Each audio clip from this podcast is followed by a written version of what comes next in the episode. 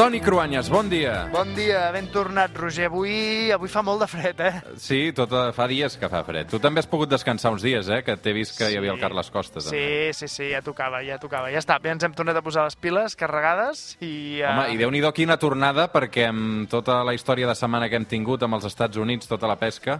Sí, sí, sí, sí. Realment, mira, eh, a sala als Estats Units, com que de fet, mira, com que hem tingut també tantes coses amb això dels Estats Units, eh, continuem amb el tema Covid, continuem amb el tema del fred, et proposo que fem una cosa totalment diferent.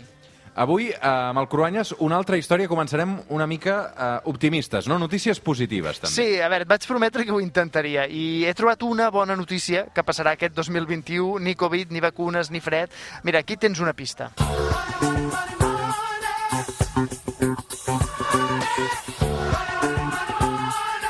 Per tant, estem parlant de diners, eh, Toni? Sí, una bona notícia econòmica, perquè aquest 2021 aixecaran la barrera de peatge més autopistes i autovies a Catalunya que mai. Més de Ah. 450 quilòmetres de peatges que finalment desapareixeran. O sigui, eh, gran notícia, el que passa és que no són diners que guanyarem, en tot cas són diners que deixarem de pagar, no? Exacte, però que ja era hora. Un dels trams que ja no s'haurà de pagar més serà el de la C32 entre Montgat i Palafolls, i aquí és on es va instal·lar precisament el primer peatge de l'Estat fa tot just 52 anys. La autopista es de peaje y se han instalado una serie de accesos completamente mecanizados con el fin de no interrumpir en ningún momento la fluidez. Carai, això és eh, el Nodo, no? Eh, on parlen precisament de la inauguració d'aquest peatge, crec. Es va estrenar el juliol del 69, estarà en servei fins al 31 de juliol, fins a aquest estiu del 2021. Per tant, li queden sis mesos de vida. Sí, han tingut molt temps per fer caixa. Però pensa que en aquell moment, ara ho sentíem, eh? el Nodo ho deia, l'any 69 les autopistes catalanes significaven modernitat. De fet, el Banc Mundial va recomanar a Espanya que es construïssin carreteres que havien d'ajudar al creixement econòmic, al transport de mercaderies, al boom del turisme. A Catalunya aquestes carreteres es van fer de pagament. Sí, la regió de Milà, a Itàlia, va ser la pionera en aquest tipus de desenvolupament territorial, de pagament. A França, les infraestructures inicialment es feien planificades i de forma centralitzada, però a Catalunya, com que l'Estat no va posar-hi els diners, va optar per fer-les a càrrec dels usuaris. Jo, de fet, encara recordo de petit aquest peatge, que es pagava amb monedes que llançaves des de la finestreta del cotxe. Desde la ventanilla, sin necesidad de apearse, el conductor logra la entrada. El segundo tramo que llegará a Cardedeu está muy adelantado y se confía que entrarà en servicio en un plazo realmente breve. Cardedeu. Uh, hi, hi havia aquesta xarxa, no? Jo sí que ho recordo de petit, que recollia les monedes uh, Sí. com una mena de cistella de bàsquet que tu l'havies de llançar allà, Sí, no? havia de ser l'import exacte, eh? I si alguna moneda caia a terra, llavors el conductor havia de sortir, havia de recollir-la, es creaven cues... Quins records, realment. Això és ja que tenim una edat tots plegats, eh? Sí, però a veure, els peatges eh, el van viure els meus avis i de moment els estan vivint també els nostres fills. Ara amb el teletac o amb targeta, però el concepte, el concepte és el mateix. De fet, és molt més vell que això.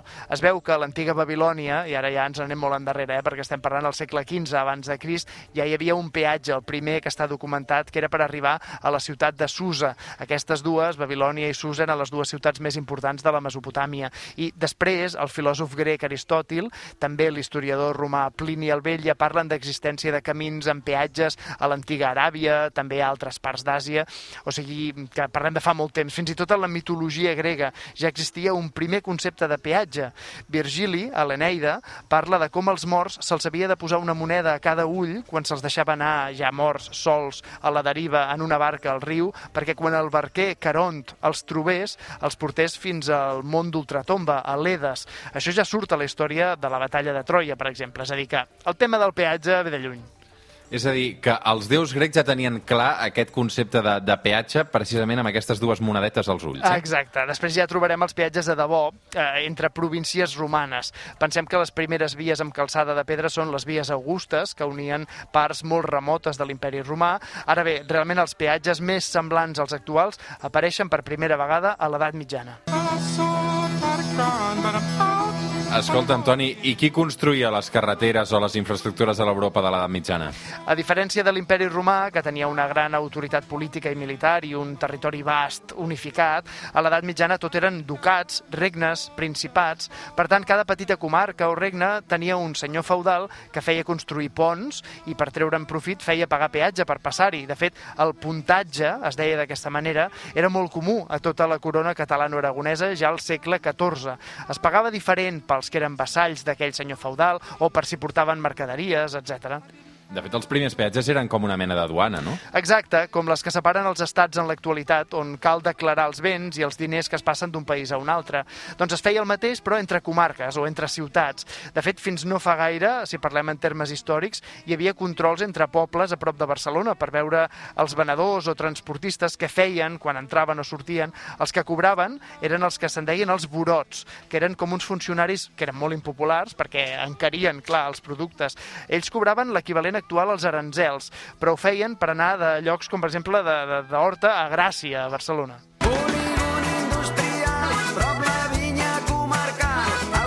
Catalunya, terra de peatges, eh? un titular que esperem que aquest any eh, passi la història d'alguna manera. Som una tradició molt nostrada. Eh? És que formen part d'aquest desenvolupament des de la revolució industrial, com que l'estat espanyol no tenia prou musculatura financera, ni segurament tampoc la voluntat real d'invertir en el model econòmic industrial, Catalunya va construir carreteres pel seu compte, amb finançament privat i a demanda de les necessitats econòmiques de cada moment. Per tant, no és d'estranyar que el primer peatge, aquest del 1969, coincidís amb el primer ferrocarril ferrocarril de la península, només 120 anys després. És a dir, Barcelona-Mataró. Està clar que aquesta era una connexió industrial importantíssima, però el govern espanyol no ho considerava prioritari. La part positiva és que amb això dels peatges a Catalunya se'n va prendre tant que aquí finalment hem acabat creant una de les principals multinacionals d'aquest sector, Avertis.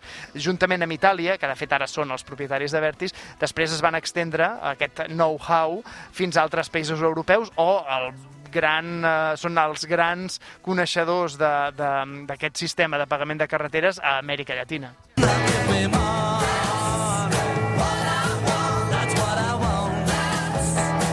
Avui arribarem a les 9 del matí amb un clàssic dels Beatles que parla precisament de diners. Money, that's uh, what I want. Uh, Toni Cruanyes, uh, una abraçada. Bon diumenge. Igualment, que vagi bé.